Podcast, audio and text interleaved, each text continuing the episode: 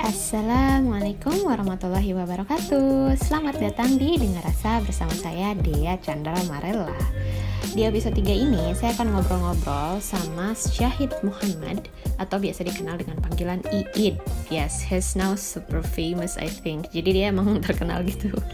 Iid ini seorang penulis yang karyanya nggak tahu ya sekarang tuh udah banyak banget Dan uh, gak tahu udah berapa Because I cannot keep up with his book updates tapi pandemi ini tuh dia sempat ngeluarin buku-buku elektronik dan uh, karena harganya murah dan isinya bagus jadi saya beli juga gitu. Jadi uh, buat teman-teman yang penasaran teman-teman juga bisa kepoin akun IG-nya Iit di at iidmhd karena sekarang seru banget sih. Dia tuh pros ada ada proses dia. Jadi dia lagi belajar gitu dari tanaman dan dia sekarang jadi tukang tanaman gitu. Jadi dia kayak banyak refleksi gitu tentang hubungan dia dan mungkin gardening atau memelihara tanaman di uh, akun IG-nya Iit juga bikin at duduk.dulu jadi itu kayak akun Instagram yang full of uh, kontemplasi kali ya. Jadi silahkan teman-teman di follow ya kalau misalnya dirasakan bermanfaat buat diri teman-teman. Terus Iit ini Hmm, seseorang yang saya kenal dulu itu terus kayak pas ngobrol tuh kayak oh asik juga nih kalau ngobrol. Jadi temenan sama itu jarang banget main terus jarang banget makan mungkin bisa dihitung sama jari gitu ya. Dan kalaupun makan itu ya emang buat ngobrol gitu. Jadi ketemu tuh emang buat ngobrol. Dan ini uh, teman yang mungkin salah satu uh, saksi kali ya. Saksi saya saat mengalami panic attack. Jadi dulu tuh I have no clue at all tentang panic attack. Jadi kayak tahu ngerti gitu tapi karena nggak pernah ngalamin jadi ya udah dah gitu kan. Dan uh, It ini emang salah satu ya yang asik lah gitu buat diajak ngobrol tentang mental health juga.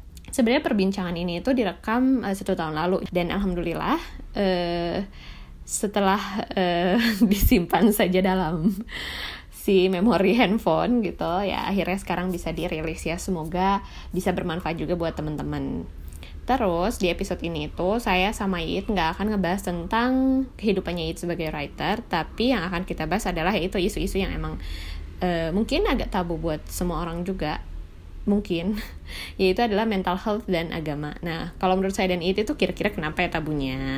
Hmm, kenapa?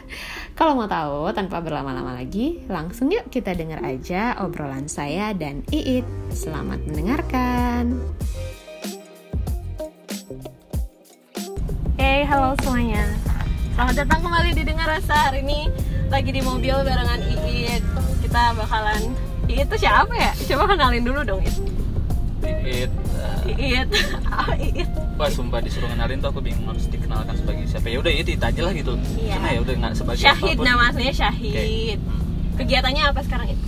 Kegiatannya mungkin uh, kontemplasi yo biar terdengar berat as human ya dan punya value Terus terus ya ya mungkin pergi-pergian aja untuk untuk untuk untuk ngapain?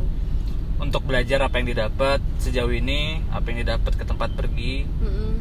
jadi hal-hal yang mungkin Bisa dibagiin lagi. bisa dibagi entah itu informasi atau mungkin knowledge Nah, ini sebenarnya adalah seorang penulis, teman-teman. Jadi dia ini sedang merendah, bukan merendah ya. Dia sedang mengkamuflase dirinya sendiri menjadi seorang kontemplator. Yo. Dari iya, penemuan mungkin mungkin sebetulnya itu adalah ungkapan rendah diri Iya, ungkapan rendah diri. Iya kan? Iya sih. Eh, itu bukunya tuh berkisar tentang apa sih?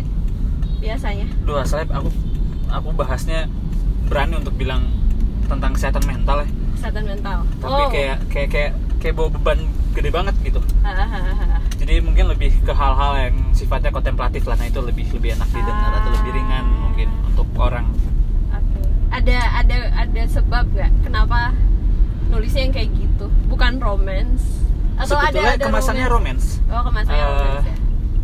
jadi mungkin kenapa hal-hal kayak gitu ya ya wajar ya manusia punya kecenderungan untuk punya outlet melepaskan keresahannya Hmm, dan mungkin betul. kebetulan aja aku eh, outletnya adalah nulis gitu Eh, orang-orang tuh bisa beda kan outletnya. iya outletnya bisa beda-beda banget Hmm. kebetulan aku udah dinulis kan jadi Hmm. kayak eh, dan pertama doyan nulis kedua doyan overthinking kayak itu perpaduan yang menarik buatku gitu Ya, baik, keluarkan gitu iya ya iya iya iya.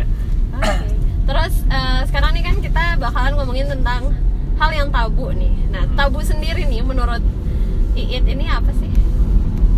pikir kalau dengar kata tabu kata tabu tuh kayak orang tuh segan mau ngomongin itu gitu segannya itu mungkin dibentuknya dari entah standar eh, apa namanya masyarakatnya tergantung nih Hmm. masyarakat banyak lapisan kan entah dari keluarganya dari bagaimana dia didik secara pen- pendekatan agamanya Hmm. pendekatan budayanya Heeh. eh, dan apa namanya dan moral nilai-nilai moral yang lain gitu Hmm, jadi agak segan ya ya mungkin lebih kesegan gitu dan Heeh. ada pola-pola yang kayaknya ngejaga itu untuk tidak terlalu terbuka membicarakan Iya sih. hal itu eh ini kok ditutup ya jalannya ya ditutup kita oke jadi eh, agak segan nih. Kalau menurut Iit sendiri nih kita enaknya bahas apa Iit yang kayak agak segan nih kita ngomongin nih.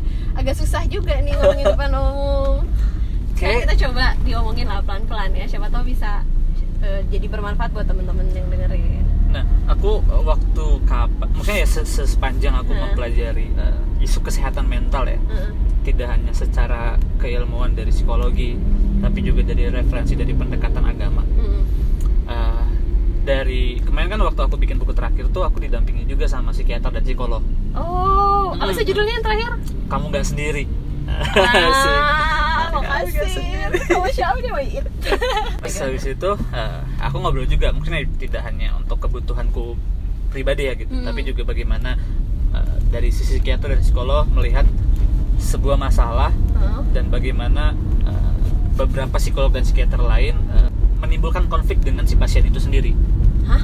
Iya, Jadi iya. gimana dia itu bisa waktu- menimbulkan konflik juga. justru orang konsul Ya, bisa ada konflik gitu itu sangat wajar gitu, sangat-sangat mungkin Oh. terjadi sebetulnya. mayoritas kayak gimana konfliknya Nah, kalau aku yang menarik adalah ketika ada salah satu psiko, eh, entah psikolognya atau psikiater aku lupa Mm-mm. yang cerita bahwa eh, katakanlah si konselor ini entah psikolog atau psik- eh, psikiater Mm-mm. menyampaikan sesuatu kepada eh, apa Si- namanya pasiennya uh. untuk mendekatkan diri dengan Tuhannya. hmm.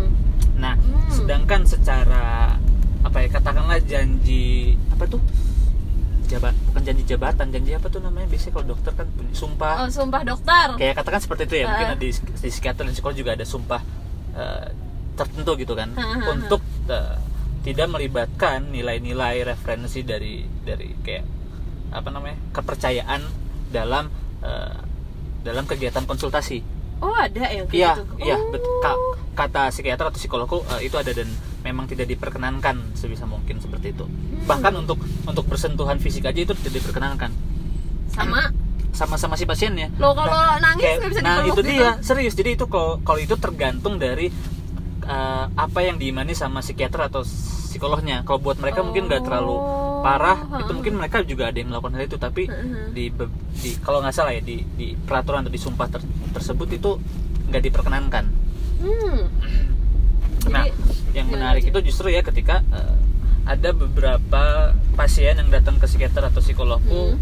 mereka cerita bahwa ya, apa namanya kons- konseling sebelumnya Hmm. si konselor itu meminta dia untuk mendekatkan diri dengan Tuhannya Hmm. terus kayak gitu dan memang nggak jarang atau ada uh, si pasien yang akhirnya mengeluhkan tentang hal itu gitu hmm.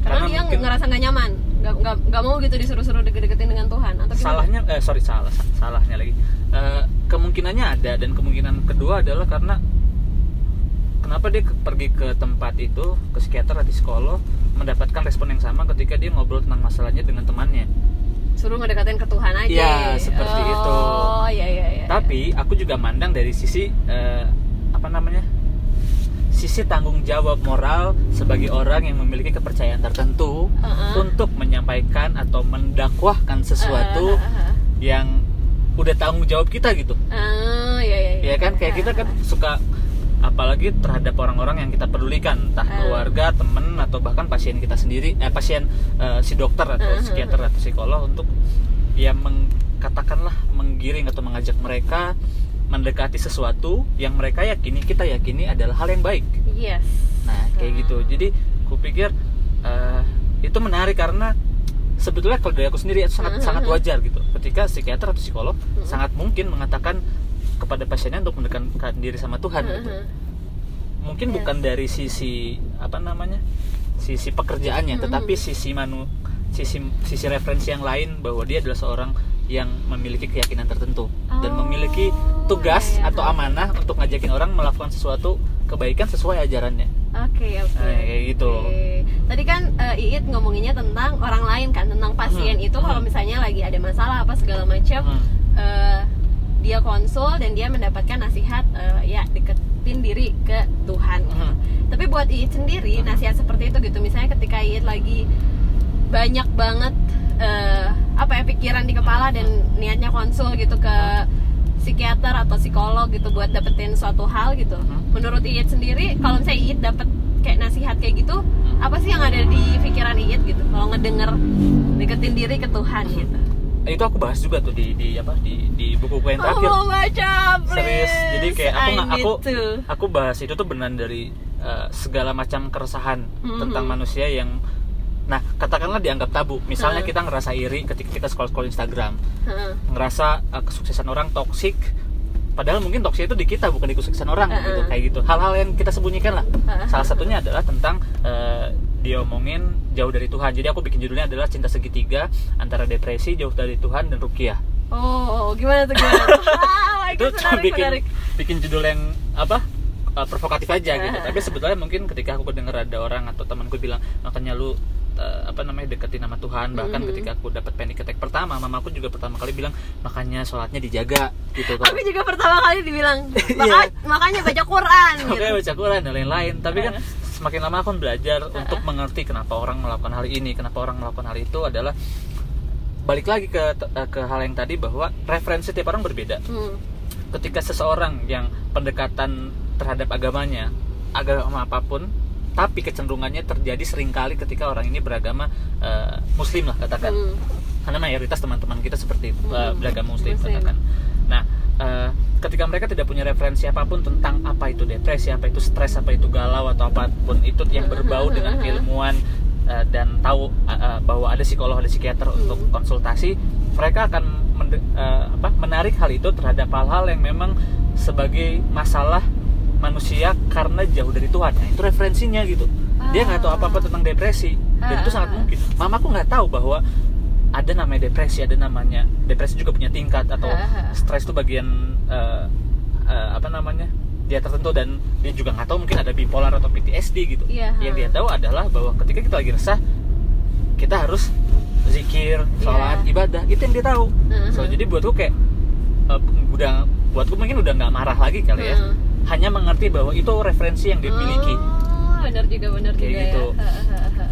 Iya, Jadi, jadinya lebih wajar. ke pemahaman aja ya bahwa semua orang tuh punya referensi sendiri berdasarkan apa yang dia ketahui justru Mhm. dan yakini gitu. Dan Mhm. aku sendiri waktu pertama kali ini sekalian cerita aja. Mhm. Aku pertama kali waktu panik attack kan aku cerita tuh terus kayak eh ya udah baca Quran aja kayak yes eh, oke gitu. Mhm. Terus aku baca tapi aku mungkin karena hatinya nggak di situ juga kali ya Mhm. saat itu at that time gitu I was so apa ya kayak in lost gitu lah Iya, nggak iya, nggak iya. tahu aku di mana ngapain terus ini aku harus gimana baca Quran tapi aku kayak nggak nggak ngerti apa yang aku baca gitu Iya. turn out gitu kayak aku menemukan eh, satu ayat nih kayak langsung aja ya Mhm, mhm. satu ayat yang kayak sebenarnya kalau aku baca dengan aku sadar aku baca dan aku mau aku baca tuh aku mungkin bisa menemukannya gitu tapi tapi gini eh, dimensi manusia itu kan ada spiritually, Betul. emotionally, Iya. intellectually, Iya. physically gitu. Iya. Ketika fisiknya sakit gitu, oke. eh, kalau kata temenku, lo jatuh, Mhm. terus lo sholat, Mhm. tapi luka lu juga Iya, nggak iya, iya. sembuh kan gitu kayak setuju, setuju. ada ada hal-hal yang memang eh, di, di- ketika kita misalnya emotionally kayak sakit gitu, Mhm. kita tuh emang harus mencari bantuan ke konselor gitu. Betul. Itu tuh itu emang harus karena kita memiliki si dimensi itu. Iya. Ketika kita fisiknya sakit, kita jatuh atau terluka, itu tuh kita harus seek helpnya tuh ke, Ke orang yang iya. heeh, yang bisa memberikan bantuan itu dokter Hmm. gitu. Ja- Jadi kayak kadang tuh menurut aku ketika tadi ya pengetahuan orang tuh tidak tidak apa ya kayak dimensi itu cuma spiritual Iya, gitu. iya. Beda sama orang yang menganggap bahwa kita tuh terdiri dari beberapa dimensi dan Iya. dimensi spiritual itu Hmm. adalah bahan bakar buat dimensi yang lainnya dan Betul. itu adalah salah satu dari dimensi lain tapi kita Hmm. tidak bisa mengabaikan dimensi itu jadi secara emosional tuh kan kayak emang harus gitu jadi kayak I seek help gitu Iya. akhirnya ya kita semua emang harus nyari orang Bantuan. yang lebih tahu daripada kita tentang kondisi kita gitu Mhm. dan Iya mungkin juga sih. karena ke, ke apa ya ketidakbiasaan kita untuk mengenali ya katakanlah di dimensi itu ya Mm-mm. kita tuh sakitnya ada di dimensi apa nih spiritual emotionally atau kalau fisik mungkin udah kelihatan gitu ya Mm-mm. sakit fisik tapi ketika itu ada rasa sakit yang tidak terlihat Mm-mm. kita bingung untuk menempatkan itu ada di dimensi Iya. kita sakit emosional eh, secara apa namanya psikologis kah Mm. ataukah secara spiritual gitu Mm-mm. meskipun kedua hal itu sangat sangat sangat bias ya gitu buat kita Ya, karena itu dua-duanya unseen kan spiritual Iya. sama emosional kalau fisikal kan kita masih bisa lihat ya Hmm, betul betul ketika ketika itu nggak kelihatan itu jadi kayak hmm gimana ya terus kayak kalau eh, tadi kan kita ngebahas soal eh, referensi orang nih Hmm. nah sendiri nih Mhm. ketika pertama kali eh, kita bahas dua dimensi itu ya spiritual sama emosional gitu Betul. mengetahui ada dimensi spiritual dalam hidup dan emosional dalam hidup itu kapan dan gimana kan kalau aku dari dulu eh, mungkin karena memang keluarganya tipe yang kayak ya sholat ya ini ya ini Hmm. jadi kayak mikirnya ya gitu kayak Iya. orang ya udah pokoknya kalau ini tuh ya lu jauh dari Tuhan gitu padahal Mhm. sebenarnya ya kalau misalnya kita baca Al-Qur'annya dengan benar gitu Mhm. kayak semua nabi-nabi tuh masalah hidupnya masalah banget iya gitu masalah kayak banget parah kayak mereka tuh setuju kerennya tuh adalah tetap menjadi manusia Mhm. tapi setuju ya mereka tuh mengobati apa ya kayak mereka tuh punya outlet yang tepat gitu untuk Ya. kayak angernya untuk Mhm. Eh, keresahannya dan segala macam mereka tuh tepat gitu menyalurkannya dan kayak ya itu maksudnya kayak ya tadi sih pertanyaannya balik dulu aja Hmm. dia sendiri mengenal bahwa itu tuh adalah satu dimensi dan dimensi yang lain spiritual dan emosional itu kapan dan gimana gitu Eh, karena pendekatan agamaku tuh cukup kental ya gitu. Hmm. Eh, aku tidak belajar bahwa katakanlah aku punya dimensi emosional Mm-mm. tetapi aku men- menyatukan itu sebagai dimensi spiritual. Yang mana Hmm. dimensi spiritual diajarkan dengan bentuk-bentuk eh, apa namanya? Itu apa sih itu namanya? Ya bentuk-bentuk ritual. Ah iya. Bentuk ritual eh, ibadah. Ah, betul betul betul. Berarti kayak seolah-olah kayak bentuk ritual ibadah di situ adalah nilai-nilai atau dimensi spiritual. Yes. Seperti itu. Hmm. tapi justru eh, karena aku nggak tahu kenapa ya memang dari SD atau SMP aku tuh doyan ngelamun dan mempertanyakan sesuatu dan ngayal ya. Biasa orang nggak populer di kelas tuh pasti larinya ke sana gitu kesel. mikirin sesuatu kan. Tapi juga populer. Highlight. Nah terus habis itu tuh ya karena kecenderungan eh, untuk ngelamun Heeh. eh, jadi bikin ke mana-mana mungkin kayak mungkin aku punya bibit-bibit sebagai eksistensialis sejak SD kali ya. Baik. Jadi aku kayak mikirin kayak eh, aku belajar memecah bahwa eh, apa namanya ritual ibadah dan Hmm. nilai-nilai spiritual adalah dua hal yang berbeda hmm. aku memecah ketika aku kena panic attack itu Hmm. jadi kayak ketika aku sih aku sih merasanya kayak meskipun kadang menyebalkan ya ketika Hmm. itu masih terjadi sampai sekarang kadang-kadang tapi buatku itu bener-bener kayak anugerah dapetin panic attack tuh yes that's Karena- right karena buatku tuh kayak eh, oke aku semakin mempertanyakan banyak hal tapi juga aku mempertajam bagaimana aku bisa merasa nyaman atas apa yang sudah aku ketahui dan aku yakini hmm. Hmm. kayak gitu loh jadi akhirnya dari sana aku belajar ya itu dor menggerakkanku untuk entah ngobrol sama orang entah cari ilmu baru atau informasi baru atau Hmm. baca buku yang bukan hal yang apa namanya bukan hal yang asing juga ketika kita akan mengalami kesalahan-kesalahan dan kesulitan gitu Hmm. selama belajar nah akhirnya untuk mempelajari hal itu bahwa eh, aku keingetan tadi malah sore ketika aku mau sholat maghrib Heeh. Eh, aku ngeliat pas mau ke ada tiga orang sholat nggak tahu kenapa ada kepikiran di kepalaku adalah ada satu pertanyaan itu langsung aku aku catat di notes gitu kita ngerasa beneran tenang nggak sih ketika kita sholat Ah. itu pertama kedua kalaupun kita tenang ini tenangnya karena apa Ah. pertama tenang karena kita sebegitu memang terhubungkan dengan Tuhan Heeh. lewat ritual itu atau kita tenang karena kita tidak meninggalkan sholat oh iya kayak gitu aja kayak kita ya udah gue udah sholat nih gitu Iya. tenang kan gitu Checklist gitu ya. checklist gitu tapi apakah se- se- secara spiritual kita setenang itu gitu Hmm. jadi kayak buatku tuh spiritual tuh lebih lebih ke sebuah aku waktu itu ditanya sama temanku Mhm. buat spiritual apa sih buatku tuh spiritual tuh adalah perasaan gitu sederhana perasaan tapi Mhm. perasaan ini terikat dengan apa Ah. kayak gitu loh nah Ah, iya yes yes yes. Dan buatku tuh memang segalanya tuh mengerucut ke Tuhan ya gitu Mhm. katakan tentang ketuhanan bukan Mhm. ke Tuhan tentang ketuhanan tetapi juga ada alasan alasan apa ya alasan yang perlu kita pelajari kenapa ada ada kalimat habluminan habluminanas dan habluminallah Mhm. gitu jadi aku pikir spiritual tuh nggak hanya tentang keterikatan perasaan Mm. dalam bentuk yang sangat tak terbayangkan hanya dengan Tuhan gitu tetapi Hmm. juga dengan sesama makhluknya gitu juga Yes. buatku itu spiritual gitu spiritual Hmm. hanya didapat tentang eks, apa pengalaman tentang menuju Tuhan gitu tetapi Hmm. juga dengan sesama manusia itu bu- buatku adalah hal spiritual gitu Iya, iya, iya benar sih.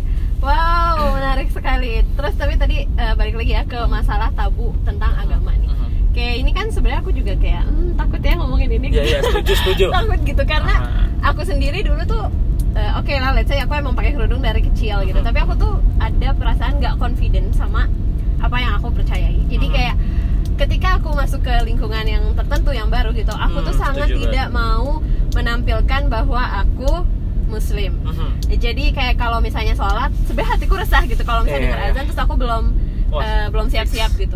Ih, kok motornya? terus eh, aku eh, biasanya kan denger azan terus aku belum siap-siap mau sholat gitu aku tuh kayak resah aja gitu kayak ini Tuhan gue udah manggil tapi eh, gue juga nggak mau dianggap soleh-soleh amat sama orang-orang ini nih jadi gue Mhm. nanti aja deh sholatnya Iya, gitu karena karena kayak ya gitu eh, being a muslim terus yang kayak religius gitu ya Mhm. itu tuh kayak ngasih kayak ngasih sekat Iya ngasih sih, sekat dan iya. jadi kayak eh, kayaknya orang-orang nggak akan pernah cerita juga dan mungkin Iya. eh, tentang ya ya let's say mereka ada masalah hidup apa tapi eh, oke deh contohnya adalah mereka gay gitu. Mereka tuh nggak akan cerita ke aku karena ya gitu gitu. Iya, iya, justru paham. tapi aku tuh saat itu saat saat muda itu sekarang juga masih muda sih amin.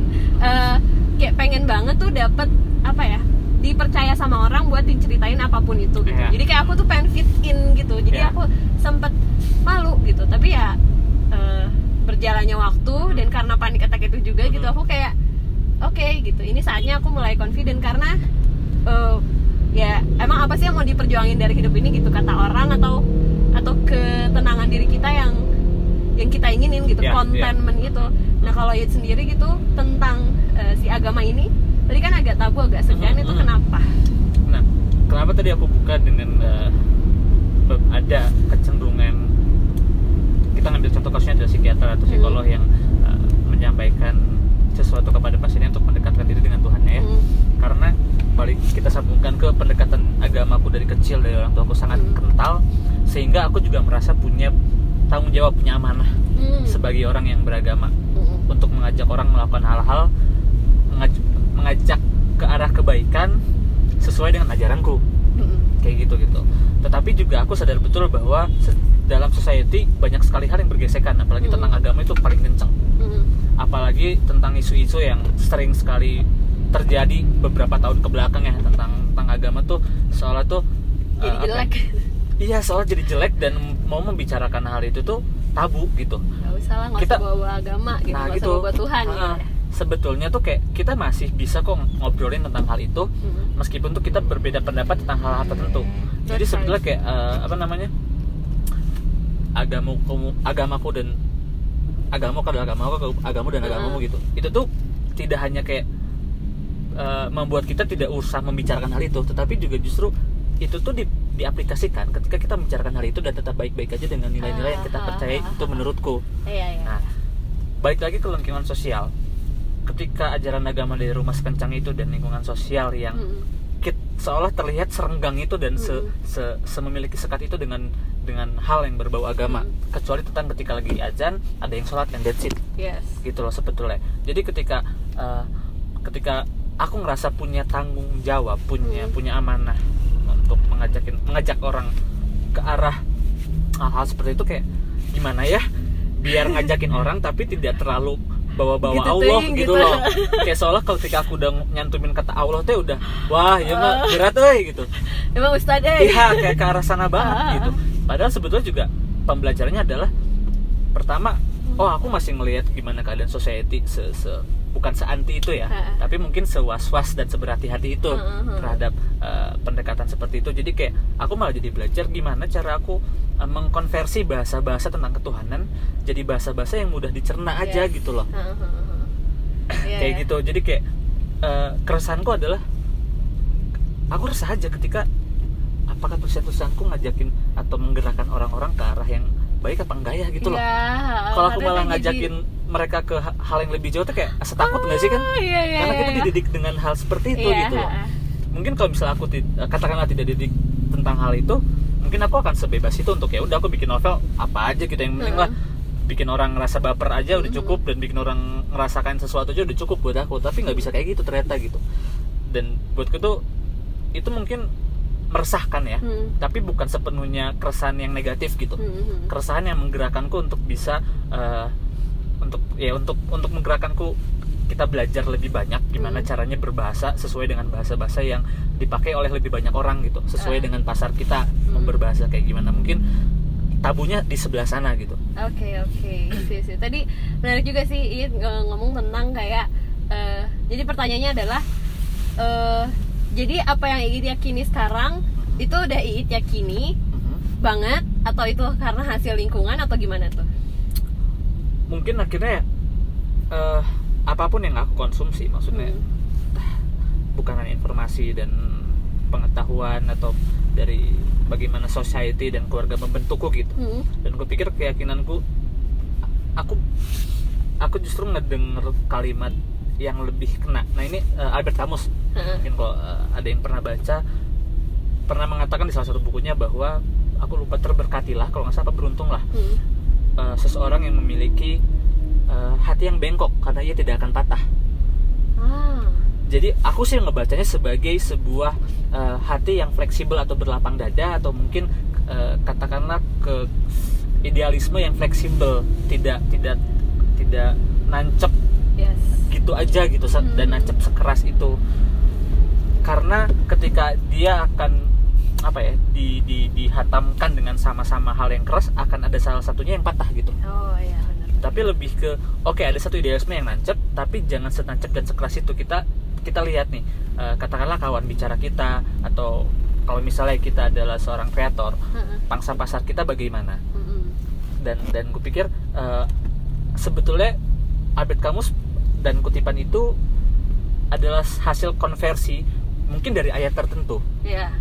Yang itu lebih bisa diterima sama orang ternyata gitu. Heeh, tapi tetap aja sih sumbernya itu dari dari dari dari nilai-nilai Iya. katakanlah ketuhanan gitu menurutku nah kayak gitulah jadi lebih ke Oh. gimana sih kita bisa berbahasa sama orang yang lebih bisa diterima atau lebih dimengerti sama kemampuan dan sesuai dengan referensi mereka gitu loh. Nah kayak gitu. Sesederhana mungkin ketika eh, kita di umur segini udah ngerti bagaimana ketika orang denger atau denger kutipan atau quotes eh, cintailah diri sendiri lebih dulu. Ketika kita sampai itu ke anak SMA umur 14 tahun cintai diri kamu sendiri mereka bingung. Orang lagi seneng-senengnya mencintai orang kayak Orang mana? lagi, iya kan? suka ngecewain kakak iya gitu. Kayak mana kan. caranya mencintai diri sendiri gitu. Nah kayak gitulah eh, konversikan bahasa tersebut saya sesuai sama kebutuhan eh, target audiens kita katakan seperti itu gitu. Oh, ya ya benar benar sih. Iya sih ya, tapi eh, balik lagi nih ngomongin eh, soal agama yang tabu ini gitu. Mhm. Selain di tempat-tempat yang tadi itu udah bilang, kalau misalnya It ngelihat nih observasi It gitu. Mhm. Kenapa sih eh, tabu gitu? Selain yang tadi itu udah bilang ya. karena ketika kita dengar kata agama tuh kita langsung dengernya tuh ke hal-hal yang menakutkan dan konflik kalau di aku ya Ah, iya iya iya.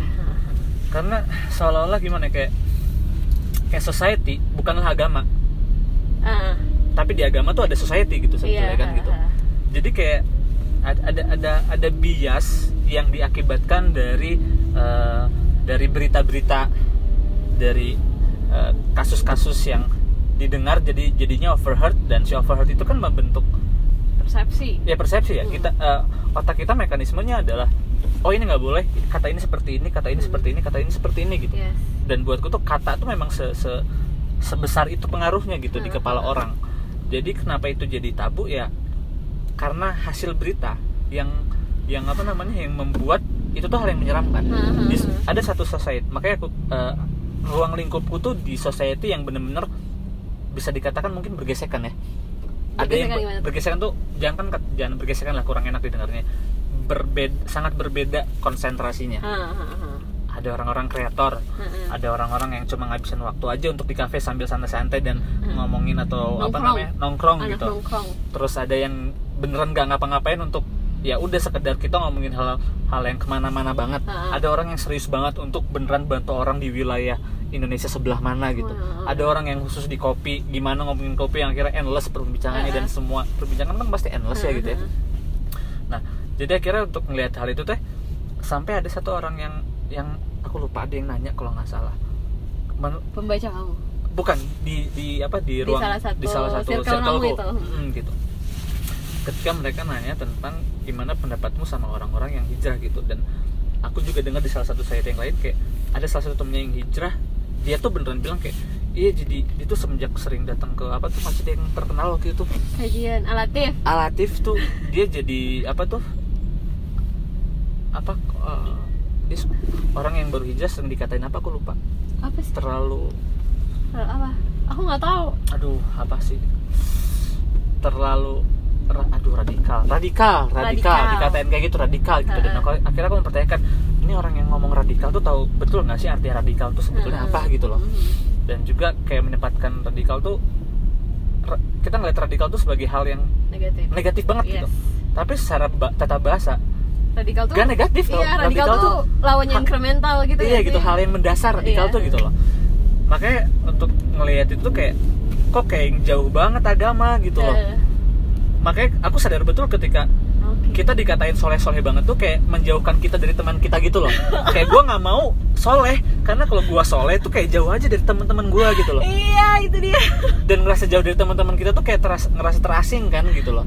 Jadi mau soleh tuh sembunyi-sembunyi gitu. Iya. ya nggak apa-apa sih bagus sembunyi-sembunyi Iya. soleh tetapi kayak dikatain soleh tuh seperti hal yang jadi buruk. dikatain gitu. iya kita Jadi fokusnya kayak- dikatain Ah, ya gitu itu kenapa buatku agama jadi tabu. Ah iya di iya. pendekatan-pendekatan kayak gitu. Hmm, hmm, hmm. dan buatku kayak menarik aja karena kok kita jadi malu ya beragama? Yes itu dia dan jadi malu melakukan uh, ritual-ritual agama atau berkeyakinan-keyakinan tentang sesuatu terhadap agama kita gitu. Nah kayak gitu. Iya ya Jadi tapi itu dikatain- fenomena banget sih ya. Parah iya sih kayak ah udah udah hijrah lu deh sekarang nggak Nah, mau salaman gitu. sama cowok.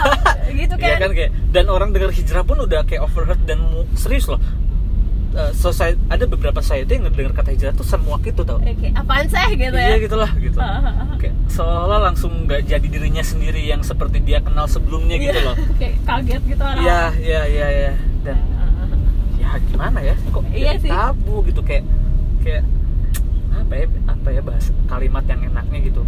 Kayak orang orang berfokus ke sesuatu yang diimani gitu kayak kayak udah berubah atau udah apa ya yang padahal gitu. sebenarnya nggak nggak juga kayaknya ya. Enggak juga. Nggak nggak tahu sih sebenarnya karena eh, pengalaman orang menghadapi orang ya mungkin itu salah satu pengalaman yang nggak enak gitu ketika misalnya orang mau berfokus sama apa yang dia yakini gitu. Let's Mhm. say kita pakai istilahnya adalah hijrah gitu. Betul.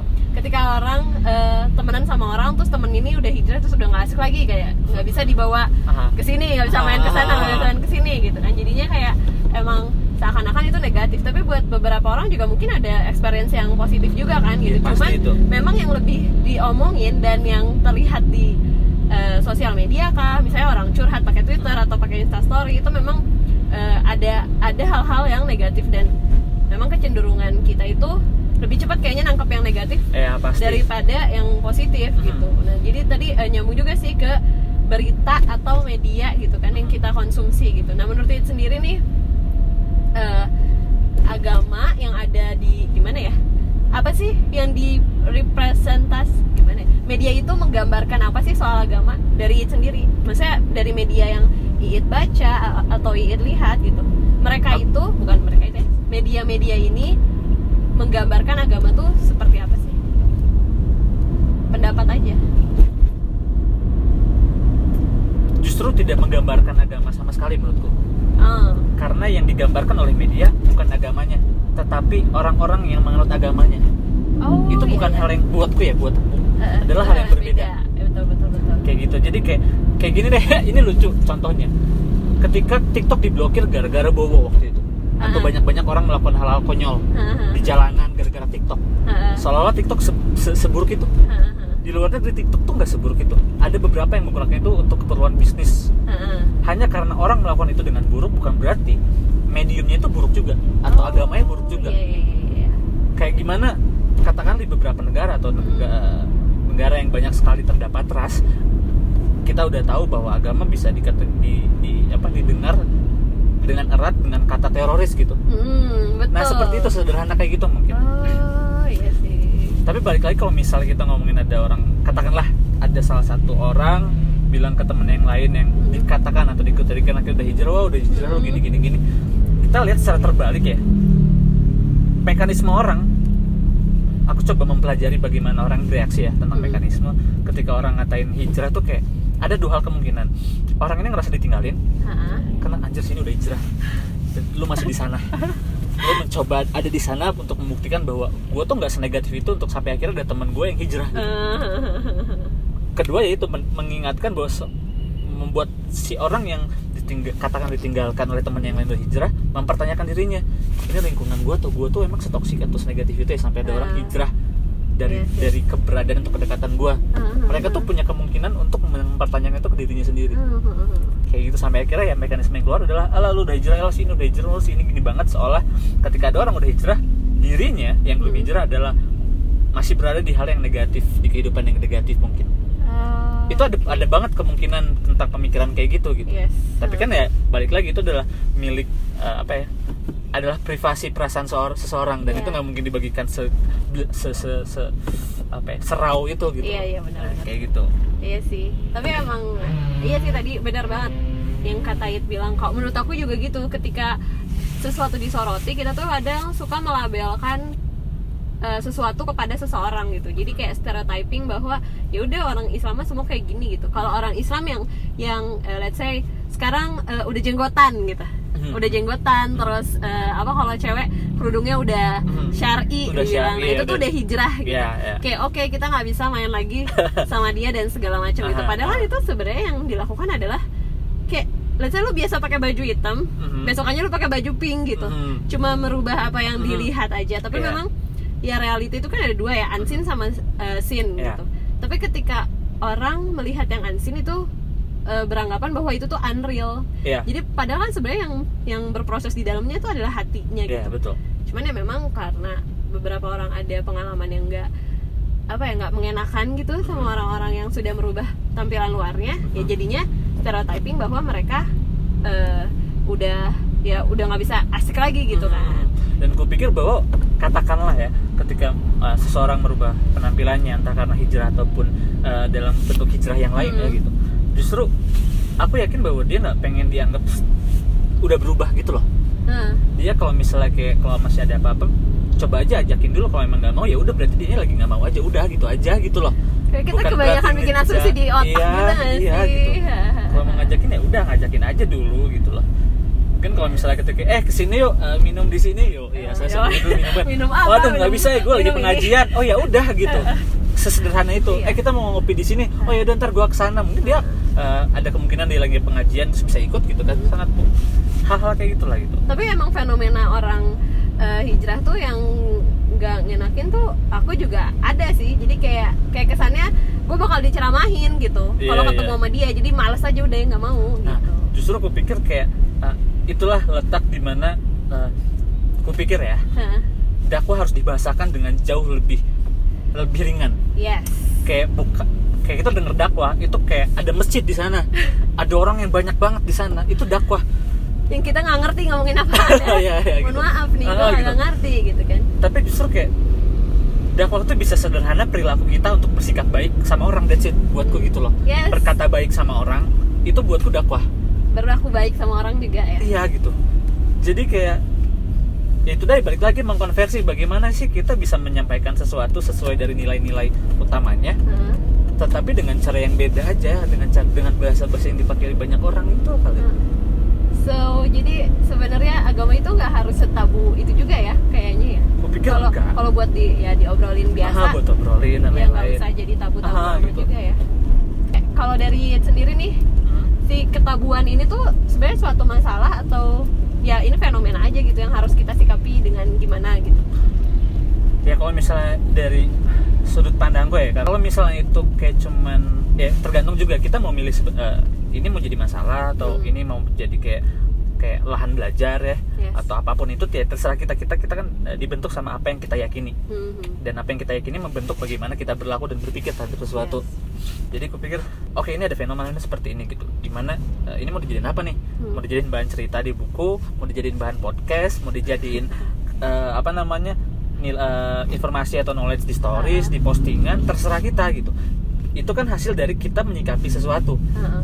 jadi gue pikir bebas-bebas saja Eh, dan sangat mungkin ketika eh, kita mau membiarkan hal itu juga kita nggak tahu apakah itu dosa apa enggak kita juga nggak tahu gitu yang penting kita mengimani sesuatu yang menurut kita ah gue akan bahas-bahas ini di stories karena bakal banyak orang singgung ya nggak apa-apa terserah gitu. Iya sih. Dia mungkin menjadikan outlet keresahannya bukan di stories atau mungkin bukan di buku bukan di apa tetapi mungkin di di caranya dia apa namanya eh, wakaf mungkin. Kita nggak tahu. Iya.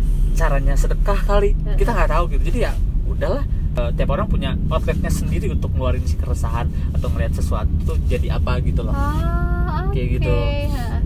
Jadi ini bisa jadi tabu di kita karena kita punya experience yang seperti ini Mhm. dan eh, ya keyakinan kita dan segala macam Mhm. pengalaman kita ini jadi tabu gitu kan. Mhm. Tapi buat orang lain ya belum tentu ini tabu gitu. Bisa Mhm. aja kita ngomongin sini kayak iya ya tabu soalnya gue pernah gini-gini tapi buat orang lain belum tentu gitu. Dan buat orang lain outlet untuk mengeluarkan keresahannya pun beda sama eh, kita masing-masing Iya, ini kan. iya, jadi iya. kayak Uh. ya it's up to them gitu Aha. tapi yang penting ya mereka punya outlet lagi-lagi nggak sih itu tuh harus Iya. dirilis nggak sih Ha, gue pikir biar biar sehat hmm, kalau nggak? dirilis tuh ke tapi kita juga perlu belajar eh, moral ya dalam merilis ya merilis secara uh, wisely bertanggung jawab Iya iya bertanggung jawab. Responsibly. Iya gitu. Karena takutnya aku inget banget ada satu orang waktu itu eh, orang ini tuh masih SMA kalau nggak salah ya. Hmm. Tapi dia udah jadi salah satu pembicara eh, di TED Talks Hmm. dan eh, aku mes gitu sama tema yang dia buat. Eh, biasnya antara head speech dan free speech, Hmm. freedom of speech gitu. Yes. Itu tuh bias banget gitu Hmm. jadi eh, kenapa akhirnya kata bisa se- se- sebesar itu pengaruhnya sama orang Hmm. bahwa kita kita tuh punya sejarah dan nilai-nilai emosional dalam satu kata yang kita dengar gitu Hmm. Orang dengar kata ibu buat orang yang punya ibu tuh bisa sebesar itu rasanya. Ah, iya kan? Iya. tapi buat orang yang punya ibu ibu tuh sebagai bentuk tanggung jawab mungkin. Ah. atau atau amanah atau apa pun beda-beda. Iya, nah, justru itu karena head speech dan uh, freedom of speech itu sangat bias.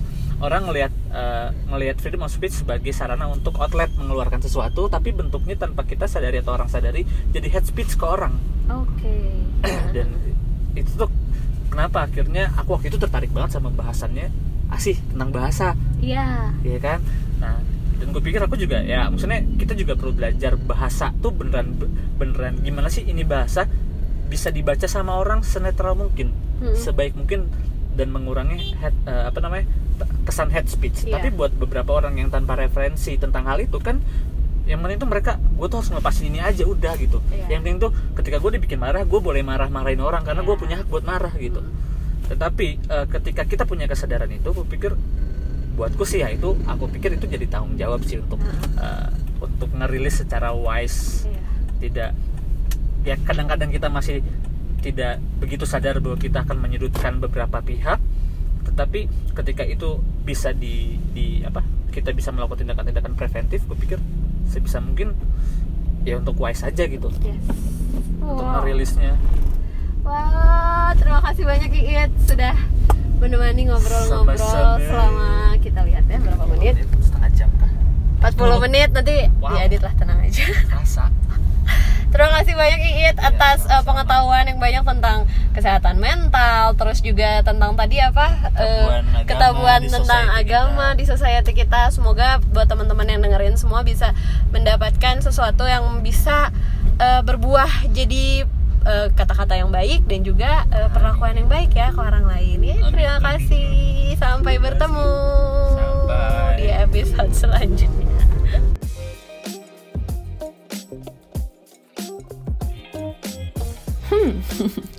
jujur ya pas denger lagi eh, perbincangan dengan I itu oh my god kenapa ya dulu saya sendiri tuh kayak nggak bisa menyatakan identitas saya as a proud Muslim as a proud believer gitu. Mungkin it's simply because I don't know myself and I don't know my role gitu. Jadinya kekurangan ilmu itulah yang bikin saya kayak berusaha keras to fit into apa ya banyak circle.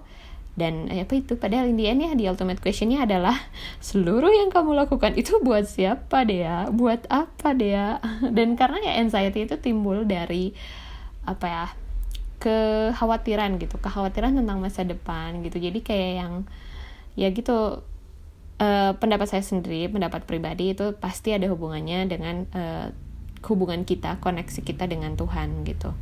Dan eh, kenapa? Kenapa ya?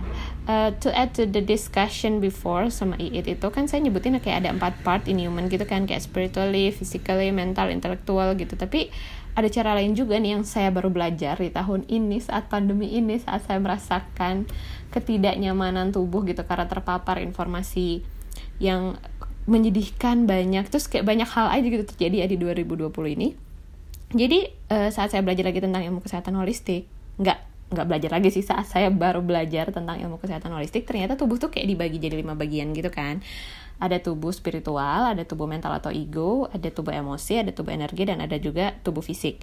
Dan makin ke tubuh fisik, itu tuh istilahnya makin kasar ya. Jadi tubuh spiritual adalah tubuh yang paling halus yang kita harus perhatikan juga bahwa apa yang kita masukin ke badan kita, mau itu dari apa pun itu ya, pokoknya kita memaparkan diri kita terhadap apa itu tuh harus memang yang kalau pengen baik ya harus yang baik ya gitulah ya memang begitu uh, eh sorry sorry menyimpang gini. Balik lagi ke obrolan ini ya. Dari obrolan ini sebenarnya bisa disimpulin sih bahwa in order to share something you know atau misalnya disebut dakwah juga itu we have to know our audience dan juga we have to choose the right method gitu. Jadi gimana kita memilih metode penyampaian yang si apa ya kayak super bijaksana lah ya kalau bisa gitu. Dengan segala keterbatasan ilmu kita kita bisa memilih metode mana yang bijaksana. Kenapa?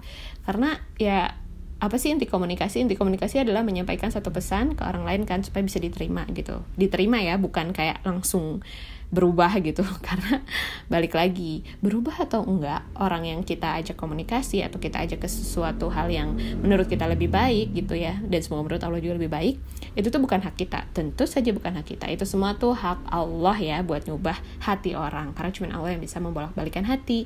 What should we do is after melakukan sharing atau ngajak ngobrol itu ya tentu saja berdoa kepada Allah tawakal dan ya jadi itu ya rajin-rajin berdoa yuk gitu ya. Supaya apa yang kita bagi yang kita share ucapan kita tulisan kita perbuatan kita itu bukan jadi sumber kalau kata itu jauhnya seseorang dengan Tuhan gitu. Jauhnya seseorang dengan Allah ya. Amin. Hmm. Mungkin udah segitu aja. Jadi kalau ada yang punya masukan kritik atau saran boleh banget DM ke IG at denga underscore R underscore asa. Itu dengar rasa cuman kayak kalau dengar rasa tuh udah ada yang nge apa sih ngeklaim gitu sih username-nya jadi sad. Atau email ke dengarasa@gmail.com dan thank you for listening sampai ketemu di episode selanjutnya. Wassalamualaikum warahmatullahi wabarakatuh